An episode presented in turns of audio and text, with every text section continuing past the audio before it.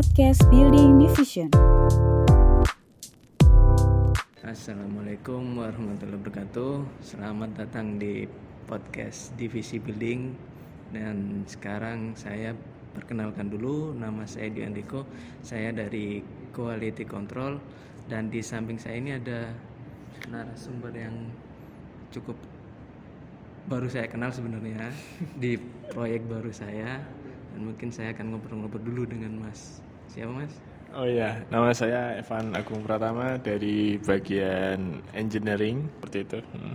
Oke, oke Mas Evan. Kita kan sekarang di proyek Syekh Zayed Masjid Masjid Iya, Raya Solo. Nah. Nah, ini Mas, saya mau nanya-nanya sedikit nih Mas tentang Mas Evan sendiri kan tadi udah bilang di bagian engineering.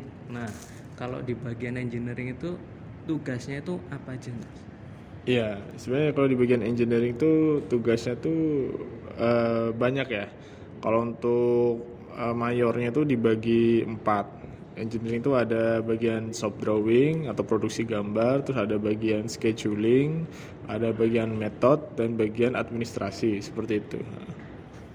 Nah, kalau di tadi bilang Mas Evan kan ada paling enggak tuh empat tuh Mas. Iya, Nah, betul. kita biasanya itu kan kalau udah di dalam proyek nih, kalau udah tahu tugas kita, itu kan kadang agak bingung tuh Mas. Misal tadi Mas Evan bilang ada shop drawing, schedule, metode, sama administrasi, itu yang handle Mas Evan semua atau memang udah dibagi-bagi sama bagian yang lain? Oh, enggak saya semua. Itu kan kerja tim ya. Jadi emang tiap masing-masing itu ada orang yang menghandle-nya seperti itu. Di sini tuh untuk bagian shop drawing tuh ada empat orang, ada empat orang drafter. Kalau untuk scheduling tuh ada satu orang, metode satu orang, admin satu orang, seperti itu. Hmm. Untuk pembagian pembagian tugas itu nih mas, misal Mas Evan, kalau Mas Evan sendiri di bagian apa? Nah, saya tuh sebenarnya ada satu bagian lagi yang baru itu bagian BIM. Sebenarnya bagian BIM itu kan lebih ke metode ya. BIM itu kan metode kerja seperti itu. Nah, jadi BIM itu lebih mencangkup ke semuanya tapi tidak mengambil alih seperti itu. Jadi lebih me- melengkapi seperti itu, Pak. Nah, jadi kita melengkapi untuk semua bagian itu seperti itu. Nah kalau yang saya dengar tadi kan kayak itu kompleks tuh mas, Ba- bakal banyak kerjaannya yang dihandle sama Mas Evan nih. Nah tips dan triknya nih kalau di proyek gimana cara membagi konsentrasi kita supaya nggak nggak terpecah tuh kan banyak tuh macam-macam. Iya betul. Eh, pastinya kan tadi kan kita kan kerja tim, jadi kan nggak sendirian dan itu kan juga ada beberapa orang yang benar-benar khusus fokus untuk memegang itu gitu. Cuman eh, tips and triknya itu untuk manajemen tugasnya seperti apa tuh seperti ini. Eh, pertama kita harus membagi tugas itu mana tugas yang sekali kerjakan selesai dan mana yang continue. Continue itu dalam arti itu setiap hari itu dikerjakan secara secara berulang rutin seperti itu. Nah, ketika sudah dibagi antara dua hal itu, mana yang sekali dikerjakan dan mana yang continue, lalu dibagi lagi mana yang lebih prioritas, lebih urgent untuk dilaksanakan di lapangan dan mana yang masih bisa di ditunda atau di Ya, mungkin ditunda. Nah, Kan kita kan akan membuat eh, pareto pekerjaan. Dalam arti kita akan membuat urutan-urutannya, mana yang lebih dulu dan mana yang eh, berikutnya seperti itu. Nah, ketika kita udah membuat seperti itu, akan terlihat jelas kerjaan-kerjaan mana yang akan dikerjakan terlebih dahulu. Dan selain itu, kita juga membuat schedule pekerjaan agar kita bisa mengontrol untuk hari apa dan minggu keberapa kerjaan apa yang akan kita kerjakan seperti itu. Oh, kalau gitu bisa dibilang kita harus manajemen pekerjaan kita nih mas ya. Iya, Nah, betul. dari yang mana yang urgent dulu, baru ke yang agak bisa ditunda atau di nanti dikerjakan setelahnya gitu kan ya mas. Iya betul, emang seperti itu sih pak. Ha.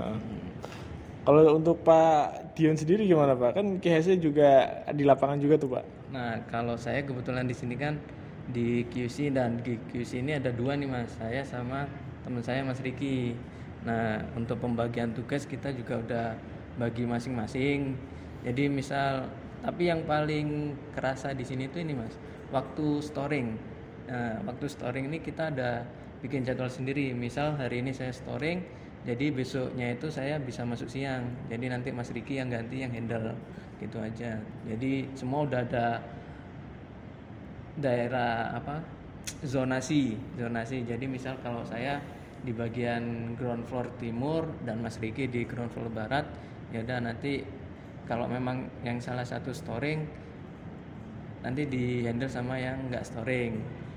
Nah, untuk tugas-tugasnya sendiri kan kayak checklist ataupun checklist material checklist pekerjaan nggak nggak jauh-jauh dari situ kita udah bagi nih mas. Jadi misal yang mana nih yang hari ini harus kita checklist kita udah siapin kita tinggal koordinasi sama pelaksana sama MK kita langsung ke lapangan kita cek udah gitu aja. Hmm. jadi semua juga udah kita atur dan kita bikin apanya ya kayak jadwal hari ini izin kerja juga kan kita masukin. Jadi kita mau checklist kita harus ngirim izin checklist dulu. Kita mau pengecekan harus ngecek MK makanya kita harus ada schedule juga tuh mas. Setiap harinya misal hari ini harus apa harus apa kita udah bikin itu. Kira-kira akan butuh tenaga personil lagi nggak Pak? kemungkinan kalau memang diperlukan mungkin bisa ya untuk nambah ya mas Iya. mungkin kan karena di sini ada pekerjaan keramik ya keramik Arsitektur. arsitektur yang lebih lebih spesifik lagi mungkin nanti ada tambahan lagi mas jadi orang yang lebih paham ke pekerjaan itu Oh iya betul. nah satu lagi nih mas saya mau nanya lagi nih Iya gimana Pak? kalau di kerjaan kita kan dari proyek satu ke proyek lain kan pasti apa itu kerjanya ya itu itu aja gitu loh mas betul. Nah, kan pasti nggak nggak nggak nggak akan jauh beda mungkin masalah ada yang berbeda Iya, tapi pekerjaannya kan hampir sama semua nah kalau dari mas Eman sendiri cara supaya menanggulangi rasa bosan atau titik jenuh mas Evan saat bekerja Iya. Ya namanya rasa jenuh kan pasti akan dialami semua orang kan gitu. Heeh.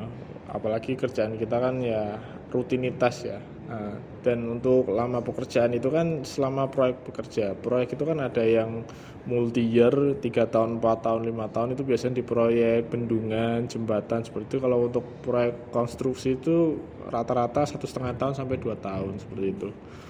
Nah untuk titik apa menanggulangi titik jenuh sendiri tiap orang menurut saya masing-masing. Cuman kalau untuk saya sendiri itu saya kan suka main game mobile ya. Ya paling ya itu ketika waktu istirahat saya sempat sempetin apa istirahat apa main game mobile itu itu sebenarnya itu mengobati apa eh, secara mental ya untuk mengobati secara mental tapi kalau misalnya udah dicapek di fisik ya paling obatnya tidur seperti itu istirahat Nah, kalau udah sampai mental udah kelihatan stres itu pasti larinya ke game mobile kalau Mas Dion sendiri gimana? Kalau saya sih hampir sama mas. Jadi kalau mungkin yang saya perhatikan di proyek itu kalau orang-orang itu kadang memang larinya ke game. Ya, Jadi betul. kalau memang kita udah jenuh, kita main game dulu, istirahat. Kalaupun kita ada waktu istirahat, kita maksimalkan benar-benar tuh mas. Kadang kalau memang pos- waktu istirahatnya agak lama, kita bisa tidur dulu tuh di musola atau di mana gitu kan. Nah untuk menghemat energi kita juga dan supaya ngilangin rasa bosan itu. Nah, mungkin itu. Jadi pentingnya tadi manajemen pekerjaan sama manajemen waktu kita sama cara kita untuk supaya nggak bosan nih di kerjaan. Iya, Nah, betul. jadi tadi ya salah satu caranya dengan main game mobile. Iya, ya sama sih saya juga. Mungkin sekian dulu podcast kali ini. Mungkin bisa kita lanjut nanti di podcast-podcast selanjutnya. Ya, oke. Terima kasih Mas Evan. Ya, sama-sama.